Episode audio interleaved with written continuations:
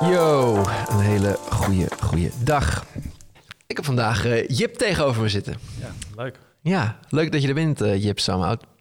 Ehm, ik had je gevraagd om langs te komen, eh, zoals er vele mensen uit mijn netwerk die ik lekker aan het optrommelen ben, waar ik van denk, hey, heb jij toevallig een leuk verhaal te vertellen? En, en, en, en wil je dat hier misschien te komen delen? Eh, gaan we zo meteen gewoon een lekker gesprek hebben. Je zegt dat je een aantal dingen ook wel ah, van tevoren een beetje had bedacht. Misschien qua topics of iets, inzicht of whatever. Maakt niet uit, al eindigen we bij eh, het beste recept voor een goede pizza quattro fro- formaggi. Vind ik het ook helemaal goed. Een green egg. Ja, toch? Met de green egg maken, zeg je dat? Ja, ik ma- maak wel veel pizza's met de green egg. Ja, dat, Oh ja? Dat is echt wel mijn corona-hobby is dat gewoon. Ben je zo barbecue papa eh, aan het worden? Nou, ik, ik noem het altijd culinair buiten koken, zeg maar. Culinair dat is buiten koken. Vergeleken met barbecuen, zeg maar, met, eh, met een green egg. Maar eh, Maar is, is, is, dat, is, dat, is de green egg, dat, dat barbecue monster wat nu in je leven is getreden... wat waarschijnlijk ook een grote positie heeft gekregen in je, in je, in je, in je thuisomgeving? Ik bedoel, dat is een prestige... eh, vooral een hele kast met allemaal gadgets erbij gekomen. Om het te kunnen. Ja, ja, ja. Maar is dat echt de tijden van de pandemie echt gestart, zeg maar? Je, je, je, dit? Of had je al, was je al lang al barbecue fanaat? Nou, ik was al, ik moet zeggen, ik was altijd een beetje zoekend van, goh, wat zijn nou, zeg maar, werk is altijd een hele grote hobby geweest. Ik ben van heel jong uh, heel veel werken en, en voetbal dan een beetje, maar Ja. ik ben wel, green egg is wel echt een hobby geworden. Ja, dat is, Oh, wel- ja? is wel, en soms dat je inderdaad twaalf uur lang eh, staat te, te, ja, te brouwen aan een, eh, 12 aan een uur? meng- mengsel of zo. Ja, het is wel echt wel lachen. Over maar, en ik vind het grappig. Ja, als ik het die green egg kijk, je hebt zeg maar, het is eh, prachtig product. Het is zeg maar echt zo'n ding. En ik heb, ik verdien er net, zeg maar, het is gewoon puur passie. Het is puur passie, Maar. Het is gewoon, het, het is mooi materiaal. Het is een mooi verhaal vanuit NASA klei, wat ooit een ding is, is geworden. NASA klei? Ja, dus het is, de Green Egg is gemaakt zeg maar, van een soort van eh, klei... Wat, wat eigenlijk aan, door NASA is ontwikkeld... om aan de buitenkant als hitteschild van eh, raketten te zitten. Zeg maar. Wow. Dus dat is ook waardoor het zo goed isoleert, zeg maar. Zo goed Mhm. wordt, ehm, eh, warm blijft. Ehm, en het is gewoon, het is zo'n mooi merk, zeg maar. Dus ik, ik, ik ga er helemaal, het is zeg maar, ik vind het de Apple onder de, onder de barbecue. Ja, maar ik zie, ik zie ook een grote smile, eh, je, zeg Ja, maar. Ook en al het, het, het mooie is dat je, dat je, je moet hiermee starten om het te doen, maar bijna eh, op een gegeven moment ontdek je dus dat er een aantal andere vrienden of collega's die ook greenhackers zijn en met greenhackers onder elkaar kunnen prachtig. Het is echt zo. Ik, la- ik vind het echt prachtig dit. Ik zit gewoon echt gewoon volop te genieten. Maar, dus de green egg, het is gewoon een movement bijna gewoon eigenlijk. Of, wat- Ja, en het is gewoon op een heel meditatief bijna met je eten bezig Ah, zijn ja. zo. Dat vind ik wel, ik vind sowieso dat slowcook heeft wel iets, eh zeg maar, je, ja, zeg klopt. maar, gewoon in normale drukke dagen is het Ja. ja, soms ook wel de wedstrijd om weet ik wat, zo snel mogelijk in 10 minuten je eten klaar te hebben. Ik, ben, ik hou sowieso wel van koken, maar Ja. ge- zeker geen magnetronner, zeg maar. maar Nee, nee, gewoon nee, nee, nee. een snelle wok of zo. Ja. Maar juist met zo'n green egg dat je gewoon, ja, is, is twee, drie dagen van tevoren moet gaan nadenken wat je gaat marineren. En dan Ja. letterlijk, ik eh, nou ja, zit je soms om zeven uur s ochtends eh, in het weekend te wekken om eh, op tijd erbij te zijn om s'avonds avonds rond een uur of tien het, dat het dan klaar is. Wauw. Nou ja, dat, we- vanuit een pizza, pizza Quattro Stagioni kwamen we hier naar de Green Egg. Maar eh, Ja, wauw. En is dat stukje van het NASA-klei? Is dat dan een feature die je al wist voordat je het ging kopen? Of kwam je er later pas achter? Eh, nou, nee, dat, dus ik heb één collega om me heen zitten, die, is, die heeft mij aangestoken. Dus volgens mij, Oké. ieder, elke green egg heeft, is ooit aangestoken door iemand, zeg maar. Ja. Dat, het, ehm, ja, dat, eh, maar voor mij is dat echt wel de, maar dat is gewoon, dat vind ik sowieso in general. Een mooie combinatie tussen een soort super to- toffe technologie, eh, kwali- creatieve kwaliteit eigenlijk. eh, gewoon een mooi strak merk wat weet waar het voor bestaat. En ook een Ja. soort ambacht wat erin zit. Dus Ja, echt wel ja zeker, absoluut. Ja, ik, ik was eh, vanuit het trendreport was, was, was ook de inzicht dat mensen mede dankzij de pandemie en het teruggaan, maar ook dat de wereld zo groot wordt en de problemen daaromheen om ons boven en een beetje grip proberen te creëren, creëren dan vooral thuis. En dan wordt er ook meer nadruk gelegd op bijvoorbeeld green Ja. eggs enzovoorts thuis. Maar was het dus, of het goed hoorde, was het nou al voor de pandemie dat je aan een green egg zat? Of, nou, of het was net, meer dat je... net ervoor, volgens mij, ik ben in januari jarig. Toen, toen, Oh, ja. eh, toen is het een beetje gestart. En toen, eh, nou, dat was natuurlijk in maart. Dat, nou, dus het is wel redelijk tijdens ontwikkeld, zeg maar. Ja, ja, ja, die ja, wat gaaf Toch zeg. wel net iets meer tijd thuis. En ik vind dat sowieso wel. Dat vind ik wel echt de winst, een van de winsten uit in, de, in die pandemietijd. Dat je ja. gewoon wel weer ook wel weer hele mooie avonden en, en Ja. met vrienden. En ja, eigenlijk dat je niet naar restaurants ging, maar gewoon dat thuis moest gaan doen, zeg maar. Ja, maar ik denk ook wel dat de gemiddelde Nederlander ook wel weer eh, de fun en het belang van een hobby hebben. Misschien ook wel weer een beetje is gaan terugvinden. Je Ja. moest soms ook gewoon je tijd doden. Ja, en ook wel soms het, het eh, ja, inderdaad het belang. Ja, dat, want het risico is dat je het eigenlijk niet hebt, zeg maar, of zo. Omdat alles... eh, maar de... Ja, ik vind dat... eh, maar ik, hoor dat wel meer inderdaad om. Ja. Van mensen die hele teken... eh, Ja, joh, ja, echt allemaal dingen zijn gaan starten. Mijn dame wil, wil, wil keramiek eh, van mij weer gaan oppakken enzovoort. Dus ja, super vet. Nou, gaaf. Nou, dat, dat bedoel ik dus. We kunnen het hebben over een green egg. En plotseling praten we over NASA enzovoort. Eh, maar ik begin eigenlijk... Begin, ik, wat, wat mij leuk lijkt is het een beetje te gaan hebben over het bedrijf eh, wat, je, wat, wat je runt, eh, de visie van het bedrijf, creative en tech samenbrengen. Ja, wat is dat? Eh, heb je misschien tof inspirerende voorbeelden, et cetera, et cetera. Maar voordat we daar komen, vind ik altijd belangrijk om even te horen. Ja, wie ben je, waar kom je vandaan, hoe ben je opgegroeid, ja, waar heb je slootje gesprongen, et cetera. Ja, nou, ik ben ja, heel veilig in een dorpje Leusden, wat bij Amersfoort ligt, eh, opgegroeid. In een, eh, nou, ben ik nog altijd heel eh, dankbaar voor een heel gelukkig gezin. Dat is, eh, Ja, dat is zeker geen vanzelfsprekendheid, denk ik. Dus dat is een van de nou ja, mooiste cadeaus, denk ik, die je als mens kan krijgen, dat je zo opgroeit. Ja. Ehm, ik ben de oudste van, eh, we zijn met z'n, eh, met z'n drieën, dus nog een, eh, een jonger broertje en een jonge zusje.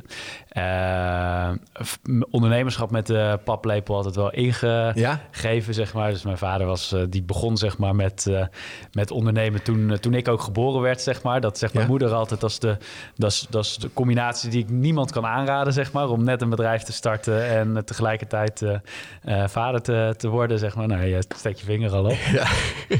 dat is heftig. Ja, ja dat, eh, dus dat, dus, Ja. dus nou, dat zegt mijn vader dan anderzijds van, god, dat, dat je zo'n gelukkige jeugd is ook wel aan je moeder te danken, zeg maar. Dus Ja. dat, eh, dus ja, dus, de, dus ontzettende, ja, wel lief, ja, liefdevol gezin, zeg maar, in, Ja, die, wat- eh, wat- in die zin. Ja, als het aan je moeder te danken hebt, wat, wat voor mensen is je moeder dan? Nou, mijn moeder die is. ehm, eh, ja, die, die, heeft enerzijds, die heeft een bijzondere combinatie van heel nuchter zijn, maar anderzijds ook heel spiritueel. Dus die is, Oh ja. eh, nou, doet eh, nou, echt een hoge rang, om maar zo te zeggen, in de hele yoga-kant. En Oh ja. eh, eh, nou, dat is de hele leven daar al mee bezig, zeg maar. eh, eh, zowel in lesgeven als in eh, Ja. eh, nou, gewoon dat voor zichzelf eh, eh, te doen. Ehm, eh, ja, en, en zo iemand.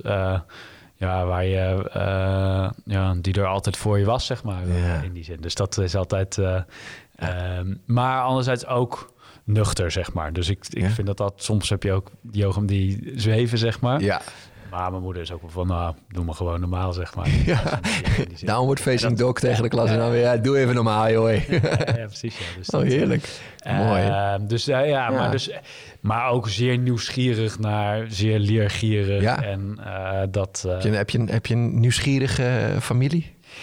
Ja, ja, ik denk dat dat allemaal heel veel gelezen, maar ook en veel daadkrachtig. Dus dat ook wel gewoon op gewoon gaat gewoon doen, zeg maar. Ja. Dat is ook denk ik een van de ja, dingen die ik van jongs af aan meekreeg. Van ook als er iets, iets aan de hand is, van doe er zelf wat aan, zeg maar. Ja, ja, Dus ik, eh, ik heb op mijn tiende al de kinderraad op, eh, op school opgericht, zeg Oh, maar. netjes. In die, in die zin. Dus Netjes. Dat, dat zijn van die dingen dat... Toen was je al Kijk van, god, dat... Je was je de, de hiërarchie aan het uitdagen, zeg maar. eh. Ja, nou ja, inderdaad wel uitdaging. Ja, ik heb ook altijd daarna overigens altijd problemen met schoolsystemen gehad. Dus dat was, eh, daar Hmm. kon ik ook nooit, omdat dat zo'n systeem en een hiërarchie was. Dus daar had ik altijd moeite mee. Dus ik, nou, een beetje opstandig zat er ook altijd wel in, zeg maar. Maar eh, wat, wat, wat, wat, wat, wat voor een opleiding heb je dan gedaan? Ik bedoel, ik bijvoorbeeld, ik, ik had er ook moeite mee. En ik ben uiteindelijk een mijn MBO 4 heb ik, is mijn laatste. mijn- Ja, dus ik heb wel, nou ja, ik denk dat gelukkig met wel een bepaald hersenen dat, je, dat het heel makkelijk ging voor mij op Ja. zich. Maar vooral de structuren was altijd een beetje. Ja. eh, en ik, Zo ruk. Eh, maar ik ben best, eh, ja, als ik het terugkijk, best, ik was ooit op het gymnasium begonnen, maar Ah, ja. ik kwam erachter dat de talen niet mijn ding waren. Dus op mijn, dat is een mooi. Toen kwam ik, ik kan nog heel goed herinneren dat ik op de, in de derde helft besloten zelf dat ik dan maar van school moest afgaan, want dan Ja. als je met gymnasium wou stoppen, Ja. dus ja, de talen waren mijn enige probleem, zeg maar. En dus ik kwam bij de decaan aanzetten, zeg ik ga stoppen. En die man die was, nou, met mijn, met mijn ouders kwam ik thuis aanzetten. En die man die dacht van, ja, ik ga hem nog wel even overhalen van proberen. Maar ik was gewoon, mijn enige doel was om uit te onderhandelen eh, wanneer ik zou gaan stoppen. in, die, eh, in die zin. Want Ja. We wouden de vakantie vooral nog hebben, zeg maar. Ja. En, eh, ehm, En dat dus, dus, uh, dus dat. Uh, ik ben daarna heb ik uh, ja, wel uiteindelijk gewoon ateneum afgerond. Okay. Tussen met jeugdkabinet ook bezig, wat ik, wat ik toen oprichtte. Ja. Ehm, Universiteit Utrecht, in, ooit een jaar begonnen had. Het, vooral het goede wat ik eraan over heb gehouden is mijn vriendin die ik daar heb ontmoet, zeg maar. Wat nog steeds zoveel jaar later. Dus was zeker geen gemiste tijd. Maar ja. ook daarna een jaar was ik ja, te druk eigenlijk met ondernemen om, ja. nou ja, toen, om er de aanwezigheidsplicht aan te voldoen. Zeg maar. Ja, ja, ja, dus dat, de, de, quota die het is. ja, ja, ja, dus ja, ja. Maar en uiteindelijk heb ik, heb ik daarna heb ik, had ik zoiets ook van ja, ik ga liever mijn eigen studieprogramma vormgeven. Hoe oud was je toen, toen je dit ongeveer besefte? Ja, het, was dus dan 1920 of zo, zeg maar. En um, dus ik heb uiteindelijk aan de Miami Advertising School uh, heel tof programma en aan de National Film and Television School in een uh, klasje van Richard Branson gezeten, zeg maar, oh, een jaar lang. Dus dat, dat, was, dat was te gek. Ja, gaaf. dus uiteindelijk denk ik best wel een combinatie van, van dingen die ja, die mij uiteindelijk wel echt hebben gevormd. Alleen ja, in die zin uh, de klassieke diploma's niet zo zeggen. Nee, nee, nee, maar gewoon... Ja, ik bedoel, ik, ik, denk dat ik op zich ook wel de denkkracht had, maar ik, ik vond het echt zo tyfe saai. En, en precies ook, het, ik, had, ik heb ooit bij de entertainment group heb ik stage gelopen. Ik heb nog een hbo'tje gedaan. Maar toen had ik het echt zo geregeld dat ik maar twee dagen in de week op hun kantoor eh, aan het werk was. Ik heb uiteindelijk nog een omzet als, denk ik, stagiair voor ongeveer 60k voor ze geregeld nog allemaal artiesten te boeken enzovoort. En drie dagen had ik gewoon een ander plekje gevonden, ergens achter in die grote villa. Dat was gewoon leeg, een vleugel die leeg was. En zat ik daar gewoon mijn eigen bedrijf rond te runnen. Ik bedoel, dat is veel, veel prettiger uh, om daarmee bezig te zijn. Maar als je zegt met de paplepel ingegoten uh, ik, bedoel, ik kom ook uit een, denk ik, ondernemende familie. Ik, vroeger werd ik al meegenomen naar de markt, kleding verkopen, weet ik het allemaal.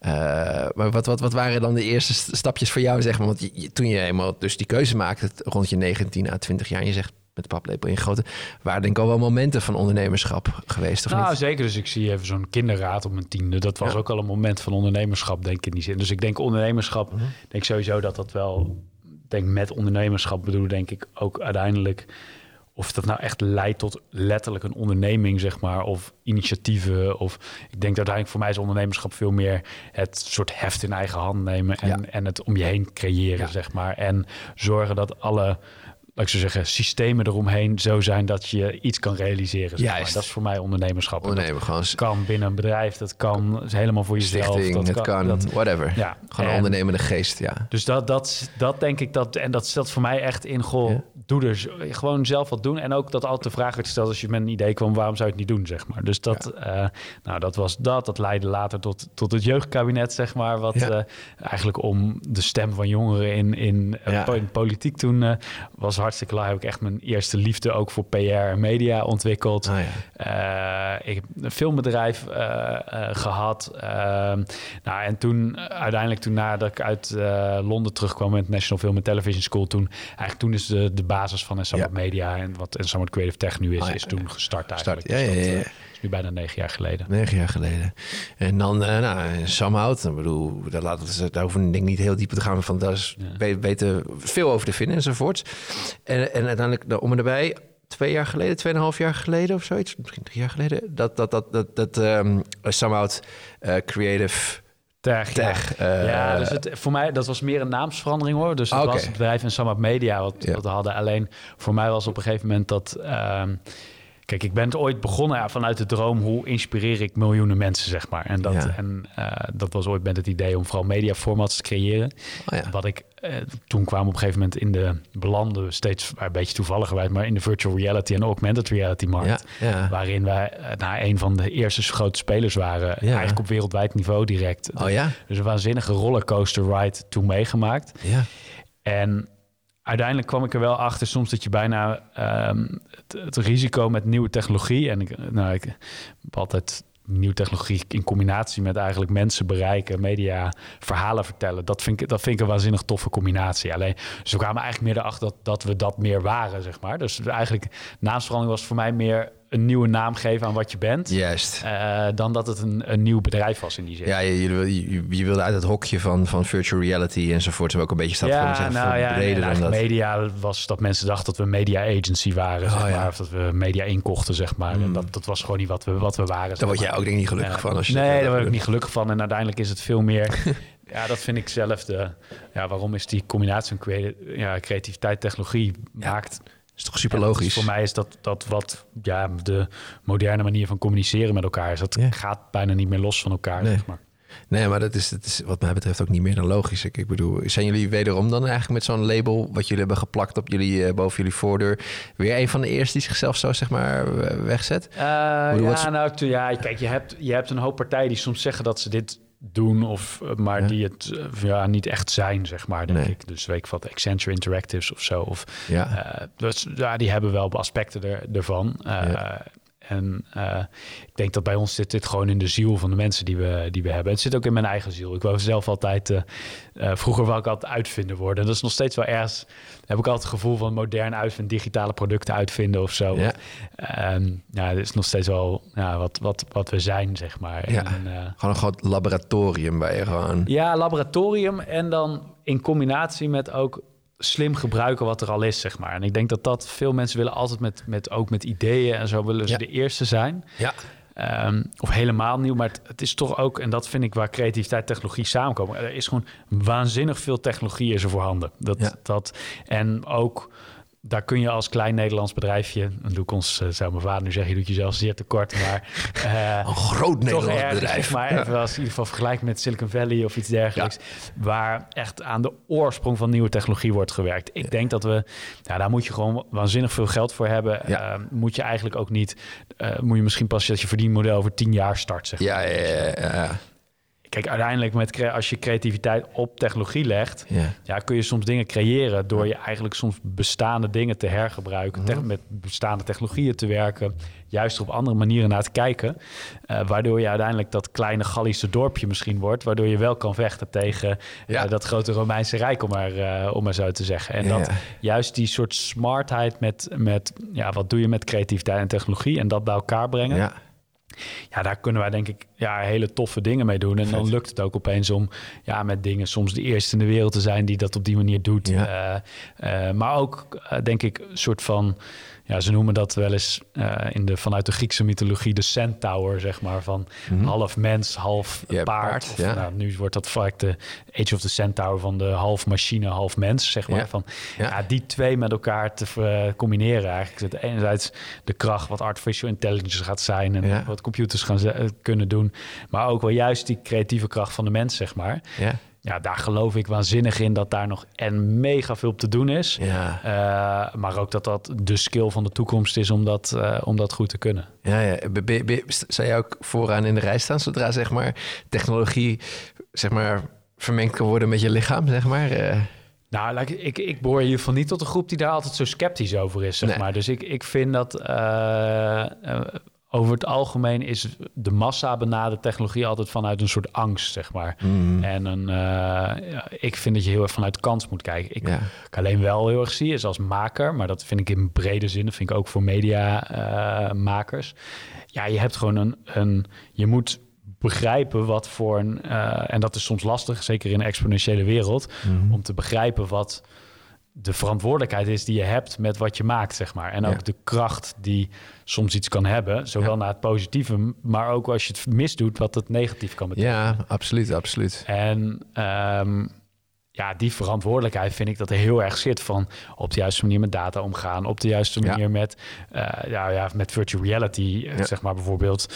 Ja, kon je echt trauma's creëren bij mensen als je iets verkeerd doet, zeg maar. Of Als je Oh, ja? daar- nou, als jij gewoon dat laat onderzoek zien, het is gewoon het laat het zien alsof het echt is, zeg maar. Ja, als jij een verkrachting gaat kijken op, op een, in een virtual reality bril of een, ehm, of een moord of zo, ja, dan geeft dat hetzelfde soort trauma als wat je hè, gebeurt als je dat in het echte leven ziet, zeg maar, eh, in die zin voor je gebeuren. Ja, het klinkt heel logisch, maar het klinkt ook weer zo een soort van wow, ja. Ja, maar ja, kijk, ons brein is uiteindelijk Ja. niet veel meer dan een selectie aan, is eh, ja, we zijn eigenlijk gewoon heel sensoren die eh, primitief en simpel.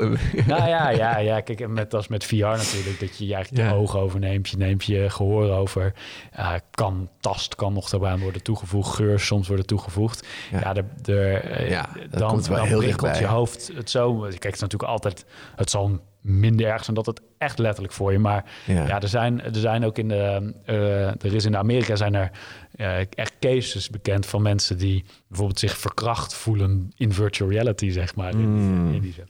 Nou, de zwarte kant. Maar aan andere kant vind ik als maker dus om de goede dingen mee te doen. Ja, zeker. Dus Eh, ga gewoon door over de goede dingen, alsjeblieft. Ja, nou ja, nee, Ja. Maar, dat, en dat, maar dat vind ik, dat geluid wordt soms te weinig, vind ik, Ja. te horen gekregen. Ook als we ehm, ja, bijvoorbeeld kijken naar, naar, naar bedrijven die... eh, wat maken bedrijven en met, ook met digitale producten. Ja. Ehm, nou, ik, nou ja, dwalen we nu wel een beetje af misschien. Maar eh, ik door. vind het zelf over bijvoorbeeld als je kijkt naar privacy. ja. Ehm, eh, is altijd bijvoorbeeld dat we heel erg eindigen uiteindelijk in deze discussie tussen goed en slecht. ja. eh, eindigen in een soort grijze middenmoot. Dus Ja. bijvoorbeeld als je kijkt naar privacy heb je, ik vond de corona ehm, het melder app zeg maar, vind ik het Ja. allerbeste voorbeeld daarvan. Ja. Je ziet enerzijds hebben we, is er ontzettende privacy hetsen in de media van er mag niks verzameld worden, et cetera.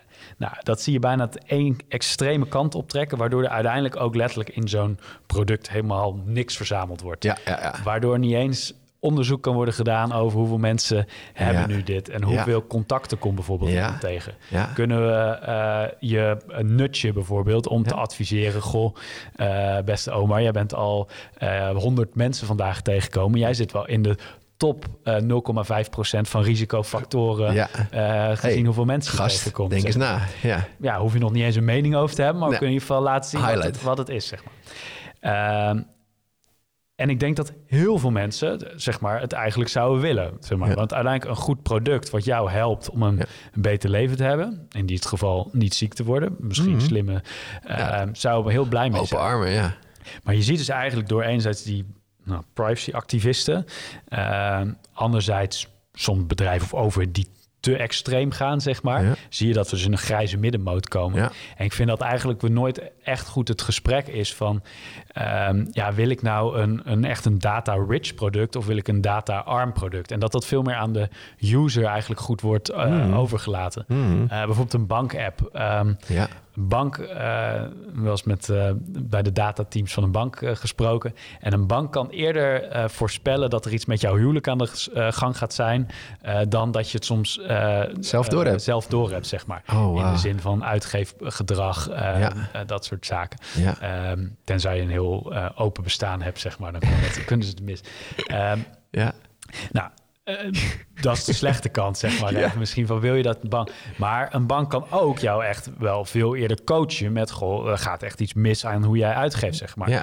Dus eigenlijk hoe kunnen we het datasysteem goed gebruiken? Ja. De keuze heb je nu niet. En uiteindelijk heb je misschien ook wel zoiets van ik wil de bank, ik wil dat je echt helemaal niet aan mijn data Ja. komt, zeg maar. Ja. Die keuze heb je ook niet. Uiteindelijk een soort grijs middenproduct waar eigenlijk heel vaak je net te weinig aan hebt eigenlijk. Ja, ja, ja, ja, ja. Ja, maar dat is misschien ook, tenminste, het is ook gewoon een kwestie van tijd. Ik bedoel, je bent eigenlijk altijd met adapties van nieuwe dingen. Tenminste, als ik het ook op mezelf betrek. Je gaat in eerste instantie wat ik doe, bijvoorbeeld, je vraagt te weinig.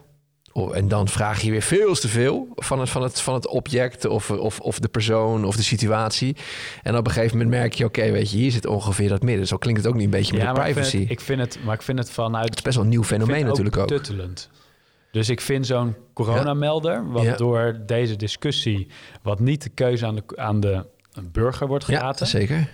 eh, maar eh, juist eh, allemaal niet omdat er een paar mensen heel hard schreeuwen. Ja. Eh, of eigenlijk 150 man in een Tweede Kamer vooral. Het, Ja. met, met allerlei angstbeelden die helemaal nergens op slaan. Mm. Ehm, eh, kom je uiteindelijk daar terecht, zeg maar. Ja. En ik wil, mijn pleidooi, pleidooi is helemaal niet om alle data gebruikvrij te geven. Nee, nee. Ik vind dat het veel meer bij een consument in de handen zou moeten zitten. Ja, zeker. zeker. Dus ik, ik, ik, ik, beaam me zo helemaal voor, voor iemand zoals jij met de kennis die je hebt hierover specifiek, zou het betuttelend over kunnen komen. Ik denk dat ook een hele grote groep zich juist op dat punt nu juist, die wat minder kennis heeft, denkt, oh, hey, hey, wat goed, ik, eh, ik durf hem nu wel te gebruiken. Maar juist, het is juist een startpunt, want dit zijn ook best wel nieuwe fenomenen. Een pandemie, een telefoongebruik als instrument om te meten Ja, maar juist die grote groep, denk dat daar juist het probleem zit. Want Ja, uiteindelijk... maar dat kost tijd. Nou, en het, het probleem is denk ik dat die grote groep heeft misschien dat ze het krijgen om het te installeren. Maar ik ben heel benieuwd hoeveel mensen hem nu nog steeds hebben. Want ze komen erachter dat ze eigenlijk dat nooit niks eraan hebben, zeg maar. Of dat Mhm. eh, niks, geen idee, doet hij wat überhaupt? eh, Ja, zit- Dat is een, een top inzicht voor, het, vo- voor de volgende stap. Niet dat we weer hopen dat we weer een volgende pandemie krijgen om het weer uit te gaan Ja, testen. Maar, ja nee, dus zeker zijn het, zijn het inzichten. Maar, ik bedoel- het is natuurlijk een, een voorbeeld. Maar, maar ik bedoel ik heb meer... bij de discussies erop gezeten. Ja. Dit soort functies zijn zichtbaar. Of het is niet dat er niet aan gedacht is, zeg maar. Ja, ja, ja. Ehm, het is alleen, het, het vind ik vanuit privacy dat er zo'n soms, of nou dat er zulke, eh, dat we door zwart-wit beelden zitten. Ja. Ehm, En niet de juiste in een keuzes. middenmoot. En dat is voor uiteindelijk, vind ik, zeker productontwikkeling, Ja. maar ehm, kansen van technologie. Laat ik Ja. het vanuit kansen. eh, Ja, vind zeker. ik dat we daardoor soms eh, heel veel beperkter zijn, zeg maar, dan dat we eigenlijk ja, technologie voor ons kunnen laten werken. Ja, ja, nee, dat be- be- beaam ik helemaal. Ik denk dat we eigenlijk op de lijn zeggen. Het enige Ja, wat ik zeg is van... Voor mij is het ook logisch dat we deze dingen zien. Want het kost gewoon tijd om, om, om dat soort dingen met z'n allen op de juiste manier te, te willen gaan doen. Maar als je dan praat over keuzes naar jezelf toe trekken en dergelijke... en ook virtual reality, dus daarna gaan we weer door over andere dingen.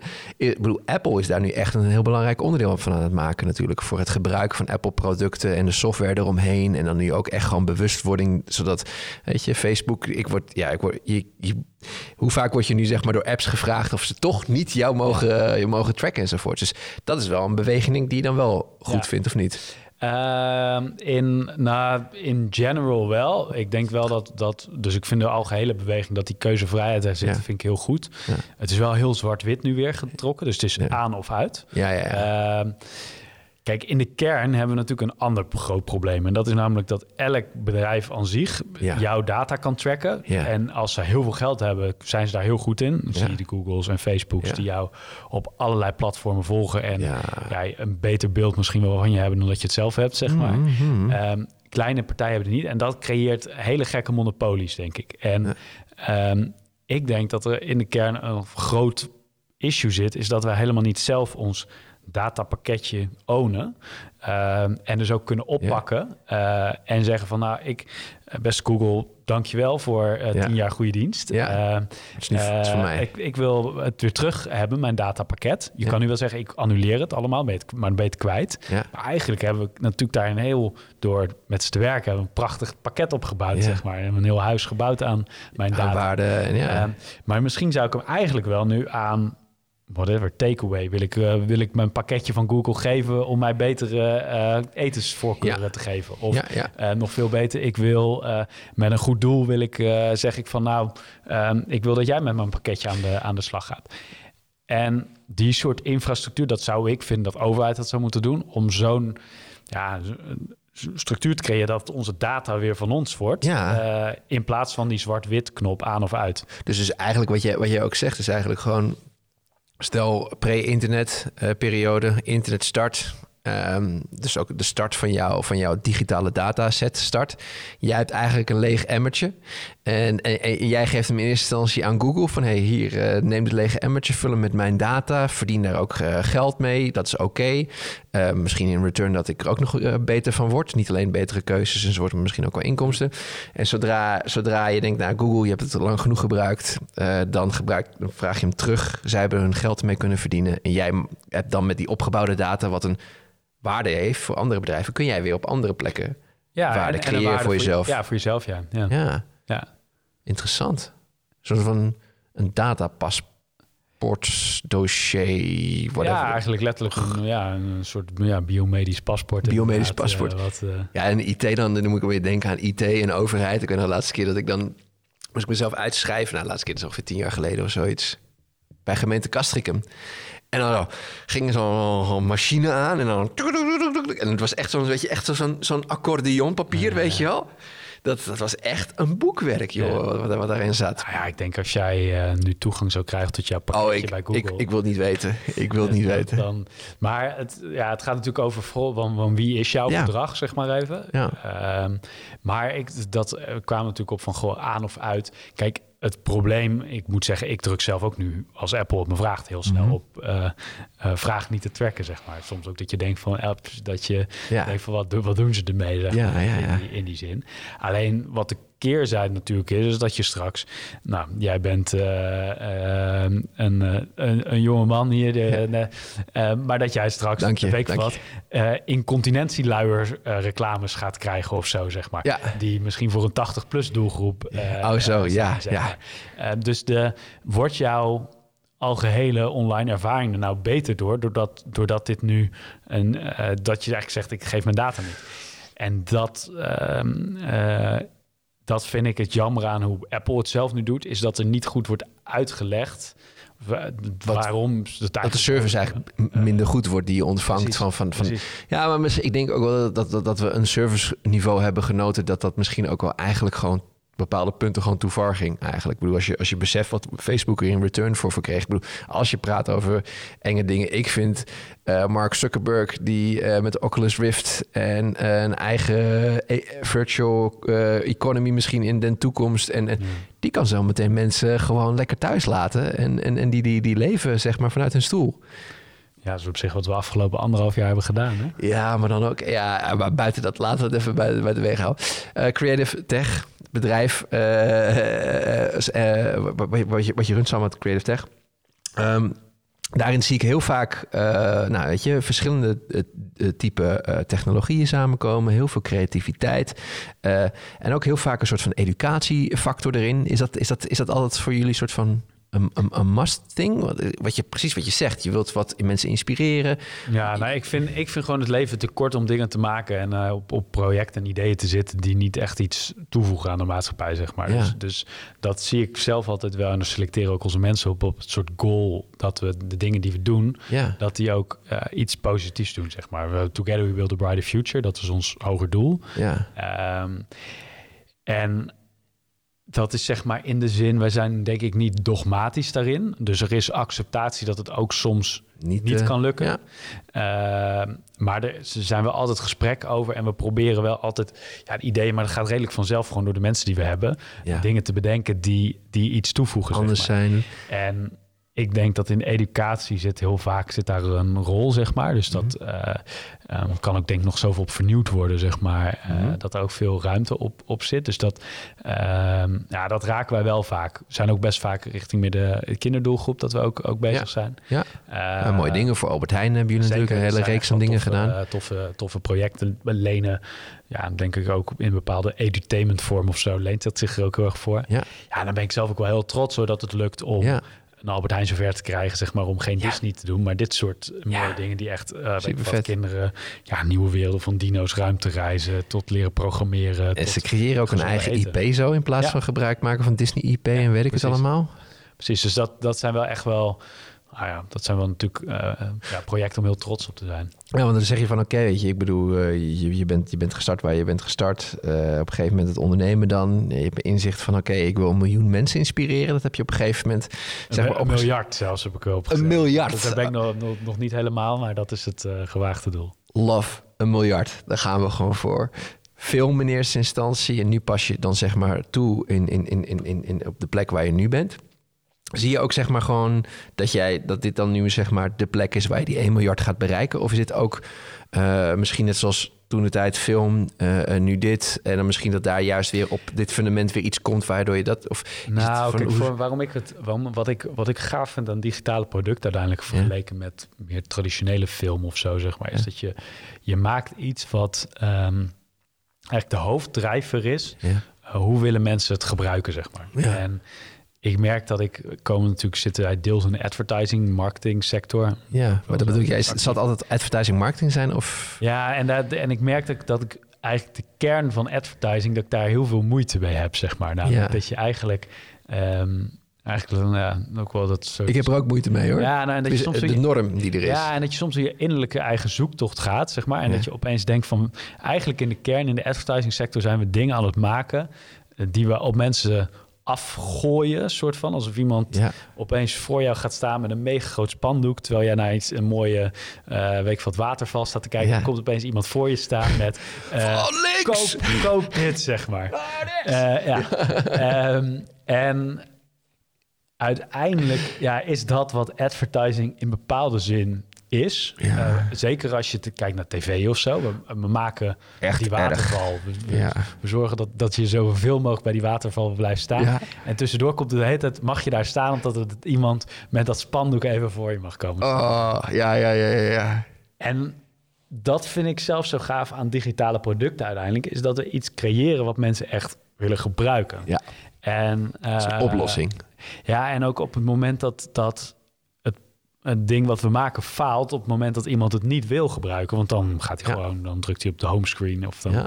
en dan eh, is het weg, zeg maar.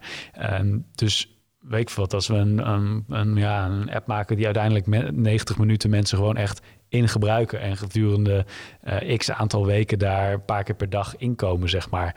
Ja, dat, dat vind ik uiteindelijk dat we dan veel meer slagen in echt het, Mhm. het raken van iemand. Ja. Ehm, dan dat we dat in traditionele advertising kunnen doen. Ja. Ik- nog steeds kan ik het, het gewoon het filmvak of en dat dat is soms nog mijn worsteling persoonlijk is. Ik zou nog de beweging uiteindelijk willen maken naar nog. ehm, nu doen wij nog heel veel voor merken, wat op zich heel mooi is, want ik denk dat met merken. eh, kun je soms hebben veel grotere kracht dan dat je dat soms als individu of als maker zal hebben. Dus als je die kracht, die marketingkracht van zo'n merk kan inzetten om goede dingen te doen, bereik je uiteindelijk is je of je impact is, is nog veel hoger. Ehm, maar mijn droom is wel om uiteindelijk ook dingen te creëren die gewoon eh, waarbij je die directe relatie met de consument hebt en dingen kan Ja. creëren die, eh, die dat doen. Ja. Al geloof ik daar ook wel in ecosystemen waar merken kunnen bestaan, zeg maar. Dus ik denk- Ja, zeker. Ja, ik zit, ik zit niet te filosoferen met, weet je... Ik, ik, ik, ik, ik, ja, ik bedoel, ik heb dit vak dus... Ik ben een beetje autonoom hier, of autodidact, autonoom. Zelfs dat hou ik aan. Eh, ben ik een beetje het vak ingerold. Dus ik begin langzamerhand ook dingen zeg maar, te zien en te snappen en weet ik het allemaal. En als je dan bijvoorbeeld kijkt naar het Nederlandse territorium, eh bedoel, er zit superveel talent, hè? Eh, let- let- let's be honest. Er zit superveel Nederlands talent dat internationaal dingen doet, waar ik echt denk van, wow, fucking, fucking vet. Maar als je kijkt wat er hier in Nederland op reclamegebied wordt gemaakt, dat is echt middeleeuws, zeg maar. Als ik praat over, eh, ik, ik, ben er, ik hou ervan een beetje scherp te zijn, maar het is, alles is een fucking grap. Eh, alles, alles, niets raakt echt bijna iets. Je hebt natuurlijk wel eens een soort een essent of iets ertussendoor of een dela die iets komt. Maar als je even de norm pakt, er wordt zoveel rekening gehouden met een bepaalde doelgroep in Nederland die gewoon niet de globalisering kan bijbenen. En dan maar zeg maar een soort van jaren negentig-achtige vibe met een grap erin. Alleen dan verpak, herverpakt zodat het op social media kan renderen. En waarschijnlijk denken eh, grote managers binnen grote agencies dat ze de Gen Z en millennials die ze, die, die, die, die ze managen hele leuke tijd geven, want die vinden memes geweldig. Dat denk ik echt. Maar ik denk dat het jonge talent ook echt denken van... ah, get me out of here, weet je wel. En, en een enorme manoeuvrering naar internationaal. Recentelijk ook een grote, eh, grote scale-up... die echt net al een hele goede investeringsronde achter erop heeft zitten. Ja, die zegt ook, ja, we werken gewoon niet met Nederlandse bureaus. Ja. Het is gewoon, het is, het is dus... Het is wel zo, ik, ik, da- daarom ook... Ja, en is het het probleem van de bureaus of is het het probleem van het publiek?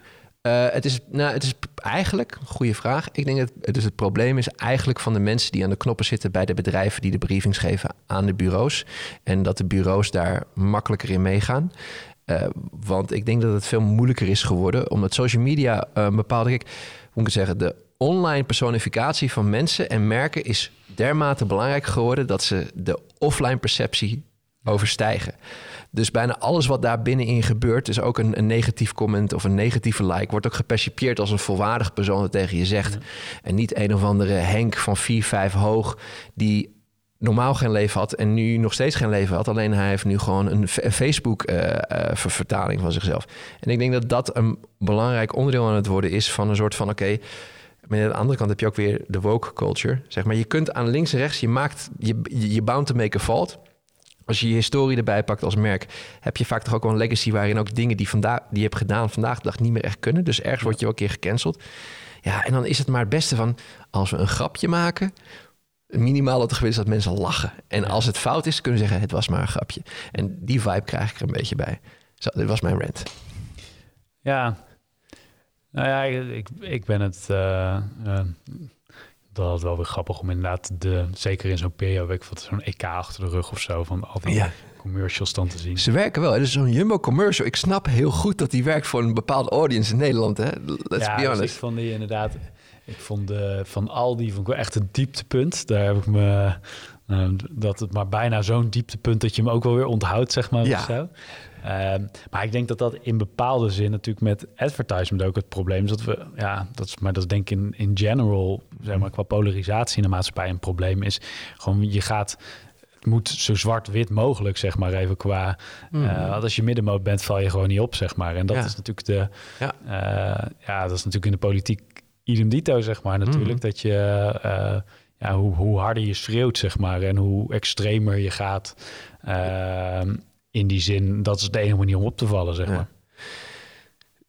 Ja, dus dat bedoel je daarmee dus als, als individu die reageert op zo'n post? Of bedoel je ook als merk dat je moet schreeuwen? Dus je vindt Nou, Jumbo... Vind dat je, gewoon in, ja, ik, ik dus als merk, dus, je, dus dat valt me ook op, is voor mijn gevoel zit er maar heel weinig die gewoon een mooi oprecht verhaal vertellen. Hmm, ja. Um, Maar ik denk ook omdat een mooi oprecht verhaal gewoon niet opvalt. In, Oh. in zeg maar. En dat Ja. doet me pijn als, als, Ik snap als je- eh, mens om dat te zeggen. Maar Maar missen, we ook niet de competentie om dat op een hele goede manier te kunnen doen? Want eh, het is ook wel vaak plat, wat, wat, wat, wat, wat veel bureaus voor mij ook... Want ik denk dat bureaus ook denken, dit is wat je wilt als merk... en daarop voorsorteren en dan werk maken... wat dan uiteindelijk dat niveau bereikt. En ja, ik, denk, ik vind het gewoon zo... Ja, ik weet niet. Ik vind het sowieso als ik het gewoon... Ik, ik maak me gewoon zorgen, maar dat is een totaal ander ding... over, over de gemiddelde witte Nederlander. Dat hij gewoon niet mee kan gaan in de globalisering. Omdat hij gewoon eh, zo lang hoog in hiërarchie heeft gestaan... over wat de norm was in economie en, en hoe dingen evolve. Maar nu met Afrika, Azië, Zuid-Amerika die erbij komen... Nu ineens moet je gaan leren dat je, dat je ondergeschikt bent, Ja. misschien wel een bepaalde eh, dynamiek. En dat je dus moet gaan leren, open moet gaan staan. Ja. En dat stukje, dat verenigt zich wat mij betreft op heel veel punten in onze maatschappij. En uitzicht dus in dingen die een beetje achterhaald zijn in hoe ze worden gebracht. En dat mensen denk ik heel graag naar voren willen schuiven, maar dat dat ook heel eng gevonden wordt. En dat blijft denk ik eng zolang we niet echt met elkaar praten. Maar dat, dat, dat, dat, is, dat is even mijn, mijn, mijn korte ding. Laten we vooral teruggaan naar Samad. Dit waren allemaal dingen die Omar Kabiri zei. Omar Kabiri van Maak, niet, niet Jip. Eh, nou, nee, maar ik, kan me, ik kan me wel helemaal in volgen. hoor. Dus dat. eh, ik denk nog één, nog één ding. Nog, dat dat is nog iets waar ik denk nog dat ook een hele stap. Dat is een beetje in deze. Maar Ja. gewoon de jonge witte man, zeg maar. ja. Eh, die gaat ook zichzelf de komende 10, 15 jaar extreem tegenkomen dat opeens Ja. dat het geen vanzelfsprekendheid meer is. En dat, ja. dat, dat eh, ah, ik hoor het. Ik begin dat afgelopen jaar denk ik nu een paar keer gehoord van dat gewoon eh, eigenlijk mannen voor hun gevoel de toppen bereiken, omdat ze in hun functie niet meer doorstromen, omdat er nou zeg maar in de, vanuit positieve discriminatie anderen voor geselecteerd worden, zeg maar. ja. En ehm, eh, ik denk dat het aan zich eigenlijk best een, ik denk dat het een hele goede beweging is, want het leert, eh, het leert, leert uiteindelijk weer harder, ver, maar je moet wel willen vechten daardoor en jezelf weer be- nog weer. ja, je moet jezelf uitdagen. Maar dat gaat wel, dat gaat denk ik nog wel echt wat, wat teweeg brengen in de. Ja, oh, 100 procent. Het gaat, het, gaat, het gaat knellen. Het gaat, ik denk dat er ook daarom het rechtse sentiment wat er in Nederland is, het was in eerste instantie vooral het volk op straat, zeg maar. Maar nu merkt dat ook de laag die wat meer richting hoogopgeleid en elite ook merkt dat ze er moeite mee hebben. Dan gaat het ook doorcijpelen naar boven in grotere getalen. En dat, dat gaat denk ik nog wel een, een, een, een minder prettige periode. Maar ik geloof altijd dat het nodig is om te komen tot. eh, oh ja, zeker. Maar het, maar het is gewoon het, ja, het zeg maar. Het, en het is natuurlijk heel grappig, want dit opmerken is hij bijna al, als je zelf ook eh, eh, in die categorie valt, zeg maar, dan, dan, dan krijg je al heel snel om terug. Nou, dan merken jullie ook eens hoe het is, zeg maar. zo. Oh ja, En zeker. dat, en dat vind ik ook wel weer mooi, zeg maar. Ja. Het is alleen, ehm, ja, ik, ik denk dat het wel, eh, ja, je gaat dat inderdaad breder in de maatschappij. eh, Ja. Ik moet zeggen, ik was, het van die kleine dingen, maar dat, dat nou, we zitten op de dag nadat eh, Ja, eh, Peter. Peter R. de Vries werd, eh, werd neergeschoten. En dat je dan toch eigenlijk heel blij bent dat er een Pool is opgepakt in plaats van iemand van Marokkaanse afkomst, wat Ja. het in eerste instantie toch wel naartoe werd gehind, zeg Ja. maar even. En Daar is nu momenteel op, op Twitter heel veel om te doen. Dat, dat mensen stelt. Eh, wel een Pool benoemen, maar niet een Rotterdammer benoemen dat het een Marokkaan is. Weet je, dat is nu alweer dat is de cancel vanuit rechts. Maar dat, is- ja, bij mij is het echt, ik merk het hoor, dat was al toen ik was in Marokko op vakantie toen Pim Fortuyn werd neergeschoten. Eerste gedachte wat ik toen had, en toen was er nog een jonge jongen, laat het geen Marokkaan zijn. Ja. Eh, en, en, en dit ook weer. Laat het geen Marokkaan zijn. Weet je, het is gewoon... eh, wat dat betreft is het, is het is niet prettig nu vandaag de dag. om eh, Je voelt je echt wel minder veilig. Ja, dat kan me voorstellen. ja. Dus, en de grap is ook, zeg maar... ik ben volgens mij voor heel veel mensen een witte man. En ook weer voor heel veel mensen weer een Marokkaan. Ja. Dus het is, eigenlijk ben ik altijd... Ja, het is, het is, het is, het is een duale, duale wereld soms wat aan ontstaan is.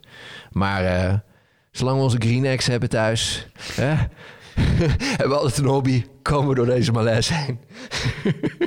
ja. Ja, ja, ja. ik kun gewoon weer als, eh, als, als man achter de barbecue staan. Ja, toch? Wat ik nog wel benieuwd naar was, is eigenlijk, ik bedoel, uh, ik, ik zat te denken, ja, weet je, je, over, je praat over pionieren, het, het, het, het adapteren van een nieuwe technologie in een markt. Uh, dat is een samenkomst van opportunity, uh, audience die zich op beweegt en bepaalde potentie om, om, om marketingdoelstellingen bijvoorbeeld te bereiken. ja, we maken even een hele goede Zwitser luisteraars. Um, ik heb het ook met YouTube meegemaakt en influencers in hip-hop als culturen of, of YouTube als een, een platform ook, technologie. Als je dat brengt, ja, het is een heel interessant spel wat je moet spelen. Je, je zegt, we waren een van de eerste wereldwijd die op virtual reality en augmented reality uh, als bureau zijn de services aanboden. Nou, dat is tof. Je, je voelt je, je niet tof. Nou, oh, nee, het is, het is, tof wel, als je, nee, je bent de eerste, weet je wel. Het is, ja, nee, het is zeg maar dus, dus het. Um, wat ik daarvan heel erg, en ik denk dat dat een beetje zo je naar doelt ook, zeg maar, is dat je kan soms op een hele nieuwe wave zitten. En dat geeft waanzinnige kick. En buitenland, internationaal. En je wordt door iedereen gezien en prijzen. En je wordt overal uitgenodigd om te spreken. En, um, maar wat is dan daadwerkelijk de impact die je maakt? En ook um, als ondernemer, want dat is denk ik ook uh, um, vanuit lessen vanuit ondernemerschap Um, ben je zo all over the place dat het niet per se goed is dat voor je bedrijf, zeg maar. In nee, die, uh, in nee, die niet. En je bent ook, ja, je bent natuurlijk op één vlak soms heel ver, maar anderzijds, bijvoorbeeld met virtual reality, waren we echt nog een markt aan het creëren, überhaupt, eigenlijk een industrie. Ja. Dus je merkt dat dat ook een soort evangelist voor een soort medium, maar ja, ja hoe verdien je er dan ook nog geld mee dat je ook je bedrijf kan laten bestaan, zeg maar. Mm. En het risico ook is dat er heel veel mensen wat van je willen. Dus het de risico om focus te verliezen ja. is extreem groot, zeg maar. Ja. En, nou, dat is voor mij wel een soort toverwoord focus, denk ik wel. Ja. Echt het moeten leren. Nog steeds misschien niet het allerbeste in, maar, maar hoe beter, dat heb ik wel met ondernemen geleerd door de tijd heen. Hoe meer je focust, hoe beter het gaat als ondernemer, zeg maar. Ja. En het enige, en dan komen we op die hobby's terug, is dat je soms moet onderscheiden wat nou voor jou als ondernemer een hobby is ook. En wat, ja. uh, wat bedrijf, in het bedrijf past, zeg ja. Ja, ja, dat is zeker die afweging, die moet je de hele tijd maken. En je ziet overal kansen. Tenminste, sommige ondernemers zien overal kansen. Andere ondernemers zijn gewoon heel goed in een bepaald model gewoon heel, heel gedisciplineerd, gewoon consistent kunnen doorvoeren. Dat je echt denkt, ik denk van gast, je doet dat 20 jaar. Dat vond ik zo uh, ik knap, hè? Bij een speech van Pieter of uh, ja, Pieter Zwart van Coolblue. Ja. Um, en die zei van ja, wij, wij zijn gewoon net zoals alle andere sites en alle bol.coms, et cetera. Maar dan net een klein beetje beter, zeg maar. uh, nou ja, we hebben ja. natuurlijk een fantastisch bedrijf gebouwd. Maar ja. ja, dat net een klein beetje beter is denk ik soms een makkelijker iets. Want je weet, uh, je weet klanten weten Ja. je, uh, wie het zijn. Je weet uh, wat de concurrent is. Je weet waar de goede mensen zitten. Ja. Je concepten zijn eigenlijk... Operatie is best wel duidelijk, zeg maar. is soms veel makkelijker dan helemaal iets nieuws doen, zeg maar. Ja. En, Zeker, absoluut. absoluut. Je kunt ook gewoon improve op al die, al die verschillende punten enzovoort. Ja. Om het te... Ja. ja, er zijn heel interessante bedrijven natuurlijk. Ik bedoel, als je praat over ondernemerschap, focus en focus vasthouden... en, en, en bedoel je, um, voor mij ligt het ook net aan welk, wat voor type ondernemer je bent. Ik denk, je hebt gewoon die mensen die gewoon heel stug gewoon één ding gewoon kunnen doen. Of je hebt mensen die lijkt alsof ze heel stug één ding blijven doen, maar elke keer hebben ze kleine mini-challenges voor zichzelf gecreëerd. Ik denk dat Pieter Zwart eerder dat is intern in zijn bedrijf wat hij improved en verbetert enzovoort. Of je hebt mensen die gewoon elke dag weer op kantoor komen en die zeggen, hey, we gaan nu die kant op. wat, je, wat je uiteindelijk niet wil. Maar zeg maar dat spel wat je dus speelt, hè, je bent een van de eerste. Het is leuk, het is tof, het, het, het, het straalt ook een bepaalde ja, het is leuk om een kamer binnen te lopen en dat je gewoon de enige bent die weet wat, wat, waar het over gaat. Nee, het is waanzinnig voor je ego. Maar het is, dus dat is ook al gevaarlijk. En dan heb je je focus en, en het, het wachten totdat uiteindelijk geld aan, verdiend kan worden, waardoor je gewoon kunt investeren in je toko. Dat kost ook wel tijd. Ja, en ik denk dat er sowieso soms een mismatch is in Nederland dat we altijd denken, en dat is mezelf ook wel tegengekomen, zeg maar, Ja. dat je naar de Silicon Valley droombedrijven kijkt waar Ja. nooit winst wordt gemaakt en waar de enige prestatie is dat je grote investeerders binnenhaalt, zeg maar, in die, Ja. in die zin. Ehm, en dat je dan toch wel hier in Nederland erachter komt dat ons systeem niet helemaal zo werkt. Sowieso dat die droomverhalen, dat daar nou niet eens honderd, maar ik denk wel duizend faalverhalen aan, aan eh, naast zitten, zeg ja, maar. Zeker. Eh, ehm, En dat uiteindelijk ondernemen natuurlijk ook gewoon draait om een stabiele cashflow te creëren, Mhm. een goede winst- en verliesrekening. Dat er ook een hele hoop dingen zijn die nooit over ondernemerschap worden verteld of wordt geleerd, maar die er wel achter zit. Eh, Ja. ehm, eh, als je bijvoorbeeld een investeringsachtige business hebt, zeg maar. Ja, ja, ja. Ik kwam er laatst, ja, wij draaien al jaren nu echt Ja. heel steady, zeg maar. Maar ik kwam laatst nog eh, dat je zo, ehm, eh, hoe je ooit het bedrijf hebt gefinancierd vijf jaar geleden, dat je, de, dat je nu nog steeds daar last van hebt als ondernemer als je een huis wil kopen, bij wijze van Ja, ja. Dat zijn wel die dingen die, die je niet wordt verteld aan het begin. Van, goh, ehm, voordat jij start met ondernemen, besef wel even dat je Dat dit, dat dit, in de komende vijf jaar misschien het niet mogelijk is voor jou om een, om een huis te kopen. Zeg Ja, maar. ja, heb je wel een Eh, green egg, maar geen huis. ja, nou, dat, dat soort dingen zijn... Sorry, ik eh, laat ons even voorbij komen. nee, ik ga niet een green egg, ik ga er niet op inlezen hoor. Kom eerst een keer eten, dat, eh, dan kun je, kun je hem testen. Ah, gaan we doen. Maar, eh, ehm, nee, maar dat, dat, en dat, dat is denk ik de...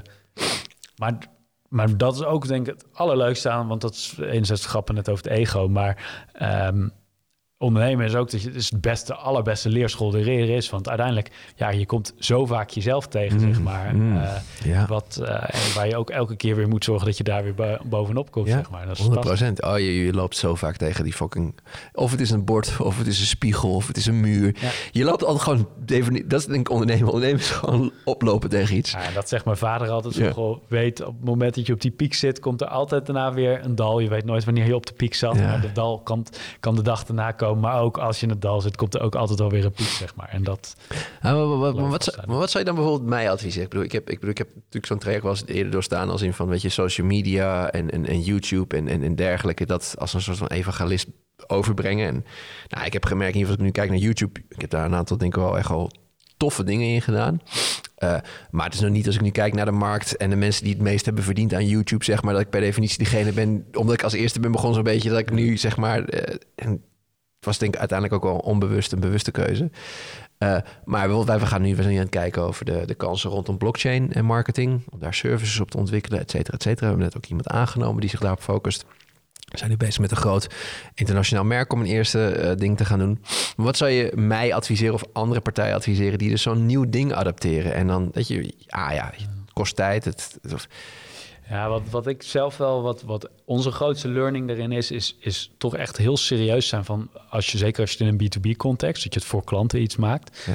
om, ben je nou met de core van het businessmodel van iemand bezig of ben je altijd het leuke bijprojectje? Dus ja. eh, eigenlijk is mijn conclusie wel, je wil niet op dingen zitten waarbij op het moment dat eh, de, Ja. ja, het wat moeilijker in het andere bedrijf wordt, dat jij de nummer één bent die op de lijst staat om wordt. te stoppen, zeg maar. Ja, ja, ja. En, ehm, en dus in die zin ook, goh, hebben partijen nou hier standaard budget voor of niet, zeg maar? Of moet, en ook voor je klant, wat voor een risico neemt die om dit te adopteren eigenlijk? Ja. Want uiteindelijk zijn wij soms als bureaus, is natuurlijk ook een van de dingen die we doen, is de carrière van onze opdrachtgevers ehm, eh, helpen, zeg maar. ja zeker. Omdat we uiteindelijk hun doelen proberen te, be- te bereiken natuurlijk. En nou, dat op die manier naar kijken. En dan is soms wel de van ons als, als ja, nou, ook een creatief iemand, zoals nou, ik, ik zelf ook. Is het soms een, een soort van diepe domper dat dus dingen die je graag zou willen doen, nog niet altijd de right moment zijn. Ehm, betekent dan dat je het helemaal niet moet doen? Dat denk ik ook niet. Maar het betekent soms wel dat we eh, moeten dieper doordenken. Eh, en onszelf moeten challengen. En ons, als creatieve kun je soms ook wel jezelf denken makkelijk van afmaken. Dat je Ja. gewoon denkt van, nou ja, dit was toch vet en waarom niet? En, Ja. en dat er eigenlijk de moeilijke vragen proberen te ontlopen. Ja, ja, ja. terwijl eerlijk. dus, misschien dat het nog wel een half jaar langer kost... of nog niet de right timing is om, om het te gaan doen. Ja. Ehm, ja, en dan soms moet je natuurlijk ook de jump durven te maken. En die kan soms oncontroleerbaar zijn, de jump wat, het, wat het is. Maar You have to. ja, Gaaf. Gaaf. Oké, nee, dan, dan, dan noteer ik die. eh. maar en ik, dus wat ik echt op focus heb geleerd, ik eh, nou, daar een hele eh, goede mentor op, op, zeg maar, om me heen. En dus Oh ja? voor mij was dat, Wie is die mentor, Eh, vraag mag? nou, dat is, dat is, dat is Jeroen, die eh, een oud raad van bestuurlid van Achmea, die eh, bij Ja. ons betrokken is. En Tof. eh, nou, met eh, eh, ja, een van de meest eh, slimme mensen eh, en soort logisch nadenkende mensen die ik ken. Ehm, en met hem, ja, dus als ik zoiets voel van, goh, hier is een, dan bespreek ik dat met hem. En dat betekent niet dat het altijd antwoord is, je moet het niet doen, zeg maar. Maar de, de soort van persoon om je heen vinden die jou soms kan helpen om focus te houden. Ja. En daar ook kritische vragen op durft te stellen. Ja, dat is wel fijn, hè? Eh, Waardoor je daarna ook steeds vaker in je eigen hoofd begrijpt. Van ook je eigen patronen durft te kennen daarin. Ja. dat helpt mij wel extreem. Ja, ja, ja. ja. Oké, dus... Ja, oké. heb ik- die, ga, ik- die ga ik noteren. Rashid, eh, je luistert. Eh, deze dingen moeten we even noteren die eh, je hebt zegt sowieso. We zijn al bijna een uur verder. Ik heb eigenlijk nog één afrondende vraag. Ik weet niet, op de een of andere manier vind ik... Ik vind mensen heel leuk. En ook mensen op de werkvloer. En nadenken over mensen op de werkvloer. Laten werken op een manier dat het bijna niet voelt als werk. Maar je kent al die, die, die Simon Sinek-achtige shit wel. Eh, ik ben wel benieuwd wat, wat, wat er valt te leren van een, van, een, van een bedrijf zoals het van jullie, wat toch vanuit een soort van familiedynamiek is, is, is gestart. En je hoort vaak ook vanuit de oude familiebedrijven die, die Nederland nog zijn, hoe stabiel, consistent en hoe dat er ook op een iets andere manier zich ontfermt over de werkvloer en denkt over de werkvloer.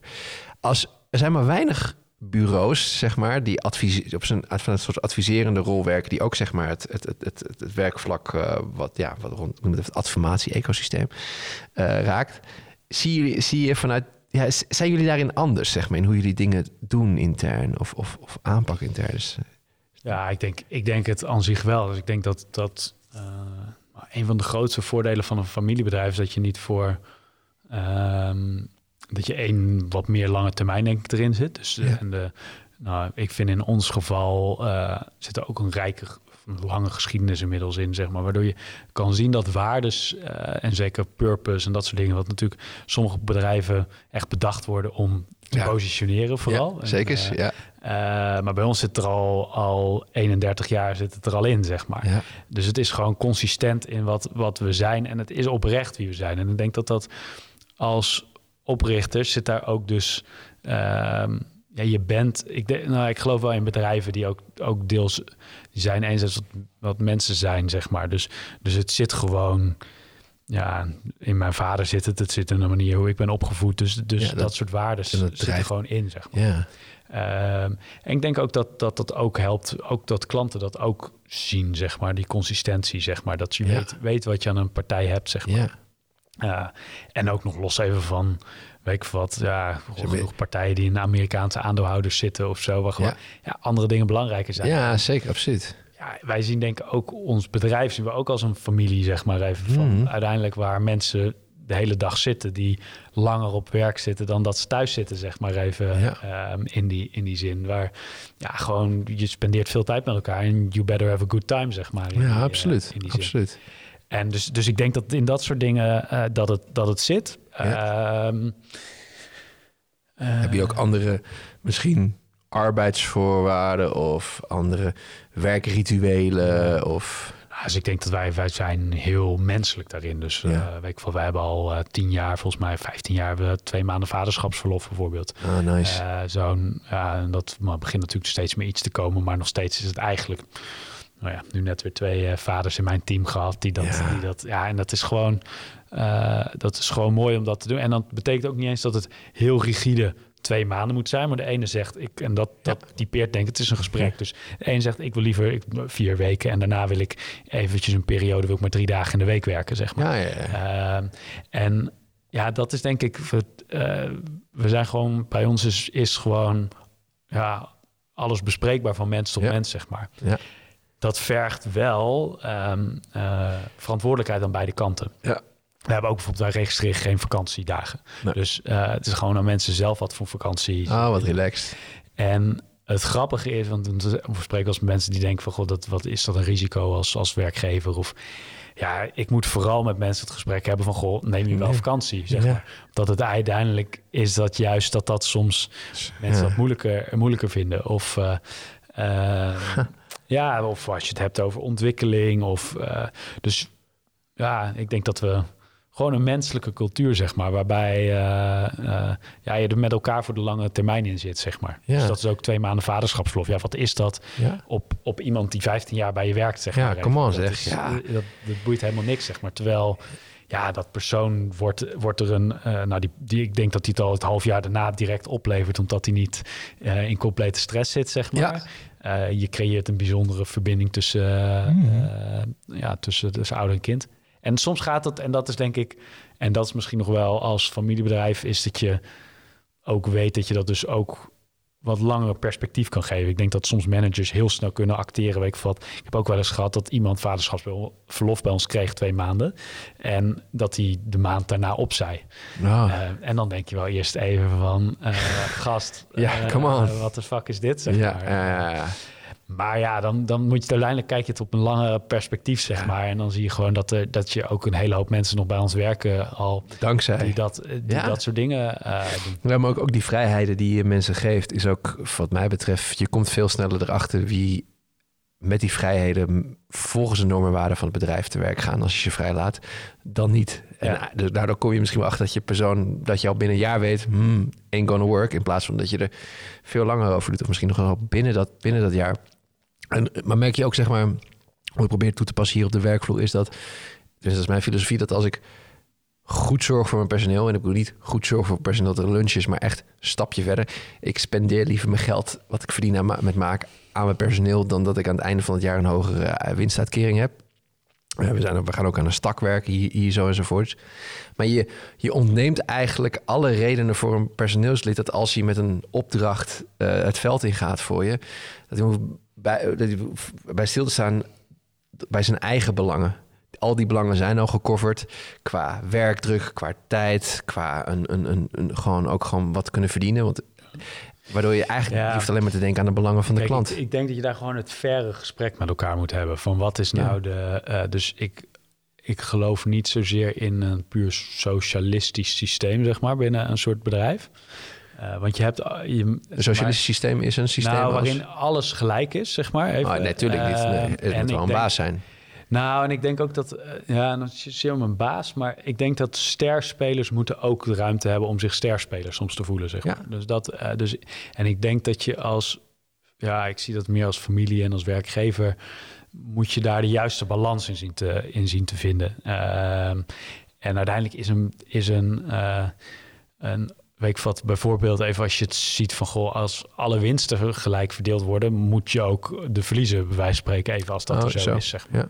Ja. Um, en ik denk dat een hoop mensen ook geen ondernemer worden, omdat ze niet van de stress houden die daar ook soms bij gepaard ja. gaat. En dat is de prijs die je betaalt, denk ik, soms als ondernemer daarin ook om dat uh, nou, ook, ook te absorberen voor je team, zeg maar, even in mhm. die, in die mhm. zin. En uh, nou, dat creëert wel een unieke positie, denk ik, uh, soms erin, waardoor, uh, ja, ja, ook risico dat, dus, dus ik denk wel dat je moet proberen te zorgen als ondernemer, hoe zorg je dat mensen zich geen zorgen maken over, over de basale dingen in het leven. En op het moment dat ze ook bijzondere prestaties leveren en een bedrijf echt verder komt en groeit, dat ze daar echt van mee profiteren. Ja. Ja, ja, ja, ja, dat, ja toch. bedoel, nee, het is trouwens hier niet een soort van. Um, um, een, uh, het is geen dictatorschap als ik heel erg nadruk leg op baas. Ik vind het alleen fijn dat er iemand is die als puntje bij paaltje komt en, niet, en we komen niet uit. Gewoon oké, want ik vind het erger als er geen keuzes worden gemaakt op den duur. Maar nou ja, ik vind... kijk, je zou natuurlijk... Eh, kijk, de, dat is een, volgens mij een organisatievorm die niet heel vaak voorkomt. Maar je hebt natuurlijk ook, weet wat, dat je gewoon dat een bedrijf uit 50 man bestaat. En zijn allemaal 50 gelijk aan een soort coöperatie, zeg maar. Ja, Semco bedoel ik. Uh, ja, ja, die, die, die stijl. Maar dat, dat, dat, dat vind ik, dat, dat legt maar dat gaat ook om, dan gaat ook om risico, zeg maar. En, ja. en in hoeverre ben, ja, ben je mede verantwoordelijk voor als het uh, down gaat. Ja, ja, ik ben op zoek naar de balans dat, dat het, de verliezen niet zozeer door hen gedragen hoeven worden, maar wel dat het einde van de, van de regenboog, als we met z'n allen de efforts in steken, dat er ook een pot staat die we met z'n allen, allen kunnen delen. En dat vind ik wel een heel belangrijk perspectief. Nou, en de, ik denk alleen nog wel in een ander perspectief vanuit soort familie. Eh, is uiteindelijk een familiebedrijf, denk je vanuit een 30, 40 jaar perspectief. Ja. En er zijn denk ik wel waar weinig uh, mensen, en dat is denk ik heel gezond, mm. die uh, eh, 30 tot 40 jaar bij een bedrijf blijven werken, zeg maar. Ja, dus, uh, ja dat, is een andere dynamiek natuurlijk. Dus zit, daar zit ook een andere termijn soms, soms in. En dat ben ik wel benieuwd bij als jij naar jouw medewerkers kijkt, zeg maar. Dus het, uiteindelijk is het, heb je ook ja, dat klinkt heel plat, maar ook een, een, uh, in enerzijds wel een menselijke relatie, maar ook een transactionele relatie. Zeker, het moet zakelijk blijven. En dat is ook soms goed, zeg maar. Hè? Want ik heb ook wel fases gehad dat het te vriendschappelijk soms werd, zeg maar. Ja, en dat, dat is kut. En dan ligt ook een giftige werkomgeving ook op de loer. Ja, uh, omdat dan in één keer uh, bepaalde andere aspecten belangrijk gaan worden. Nee, wat wij hier hebben is eigenlijk gewoon... oké, we zijn een, we zijn een, een, een sportelftal, een team. Ja. We zijn geen familie. want een sportelftal gaat voor elkaar door het vuur als familie. Misschien nogal verder. Want als ik, zo, ik kijk basketbal en dan zie je wat er soms gebeurt. Dat gaat echt wel, ze gaan heel ver voor elkaar. Maar het blijft uh, iets wat draait om dan, uh, wat er onder de streep blijft staan. Namelijk het behalen van de championship. Maar tegelijkertijd ook dat als je een team effort bent, dan is niet dat alleen maar Tadic aan het einde van het seizoen met die schaal mee naar huis gaat. Het is voor het hele team. Ja. Wat ik heb gezegd tegen mijn team, uh, over 15 jaar gaan we deze toko verkopen. Het kan ook eerder zijn. Het kan ook iets langer zijn. Het kan ook een andere vorm van waarde zijn die, die we tot ons gaan nemen. Het hoeft niet per se een verkoop te zijn. En wat we dan verdienen, dat is dan voor, ook, ook, ook voor het personeel mede. Uh, dus op die manier zet je wel een stip op de horizon. Er is al één iemand daardoor weggegaan. Die had van, nou, dat is voor mij te lang. Maar er zijn ook mensen die daardoor zich een herbevestiging zien. Oké, interessant. En daar gaan we naartoe. Dus dat is een stap die we nu aan het zetten zijn. En dan krijg je wel alleen de uitdaging dat jij natuurlijk de club-eigenaar bent, zeg maar. En op een gegeven moment wordt het tweede team of het talententeam wordt het eerste team, zeg maar. Mm-hmm. En gaat het eerste team bij de veteranen zitten en hoeft eigenlijk alleen nog maar voor hun lol op zondag te voetballen, zeg maar. En hoe ga je daar dan mee om, zeg maar, in die, in die zin? Dus, dus oké, dat ik hem even, even goed begrijp. Dus dan zeg jij wat zou kunnen gebeuren is dat een... Nou, misschien allereerst ben jij, de, ben jij de spits, zeg maar, of de verdedigende middenvelder, of ben jij eh, de, de club-eigenaar, zeg maar? En... Oh, zo. Uh, poeh, dat is een goede. Ik heb nog even nagedacht. Eerst denk ik, we gaan het alleen hebben over veldposities. Denk ik, liefst ben ik een Pirlo. Wij zeggen maar, weet je wel, gewoon dat je in het midden staat en gewoon ervoor zorgt dat, dat, dat, dat, dat het spel wel door kan gaan zonder jou. Maar als het moet, dat je een mee kan helpen controleren.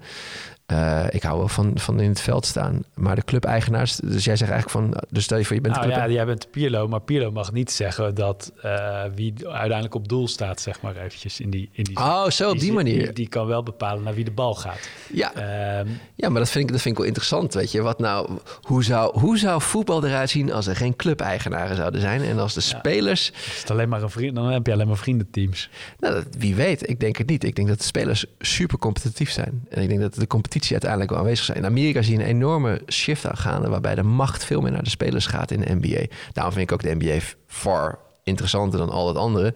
Omdat ze heel innoverend zijn. Dat, dan gaan we, dan moeten we dan volgende podcast met het FIFA-model nog weer... Eh, die, ja. transitie, zeg maar. Ja. Dus, uh... Nee, maar, maar, maar, maar ik, ik, ik, ik, ik, ik, ik denk wel dat ik wel een leidinggevende functie ten alle tijde zou hebben. Maar ik probeer wel te kijken hoe we op een manier een dynamiek kunnen creëren op de werkvloer. Dat, dat niemand, ja, je, als veteranen, dus ik denk niet dat ik helemaal snap, maar stel je voor dat die alleen maar zeg maar uh, de, de, de, leuke dingen eruit pakken en dan voor de rest niet meer gemotiveerd zijn. Voor de rest. Ja, weet je, ik, ik, ik creëer ook gewoon voorwaarden dat als je gewoon geen zin er meer in hebt en als je het ego belangrijker vindt, dan, dan knikker ik je er ook gewoon uit. Dus bij wijze van, zeg maar, dat moet wel kunnen. Want het gaat uiteindelijk om dat we zo egoloos mogelijk het beste werk kunnen neerzetten wat, wat, wat de wereld nodig heeft. Zeker. Of klink ik nu heel erg assholerig? Oh, um, dat weet ik niet, maar dat, dat is dan... Dus dan kun jij wel bepalen dat die droom waar iemand nu vijf, voor instapt voor 15 jaar... Ja. Uh, en dat, dat hij dan de waarde eruit pakt, dat die droom stopt, zeg maar. Dus dat is, dus ben je toch de club-eigenaar. Ja, dan ben ik toch wel de club-eigenaar. Ja, zeker. Ja, ja, ja. Ik denk dat dat wel belangrijk is, dat, er, dat je wel zulke radicale beslissingen moet kunnen maken. Ik wil, ik, ik wil voorkomen dat er iemand een, een, een, een, iets gaat doen waardoor, waardoor juist de hele cultuur en juist het hele idee wat we hebben met z'n allen naar beneden gaat. Als je eruit wilt stappen, dan stap je eruit. Ja, dat is niet aan mij. Ja. Ik weet even niet meer waar we heen wouden bewegen met dit gesprek, maar het was een leuk. Het was toch een leuk gesprek. Het is eigenlijk een van de eerste gesprekken. Daarom, ik, ik, ik vind het leuk om gesprekken om, om voor, maar dat we echt meerdere topics gewoon hebben ja, aangeraakt. Een beetje de Joe Rogan-stijl. Die ben ik een beetje aan het, uh, aan het nastreven qua opzet. En dat was deze. Ja, leuk. Dankjewel daarvoor. Ja, ik heb ook veel genoten. Top. Top, ik ook.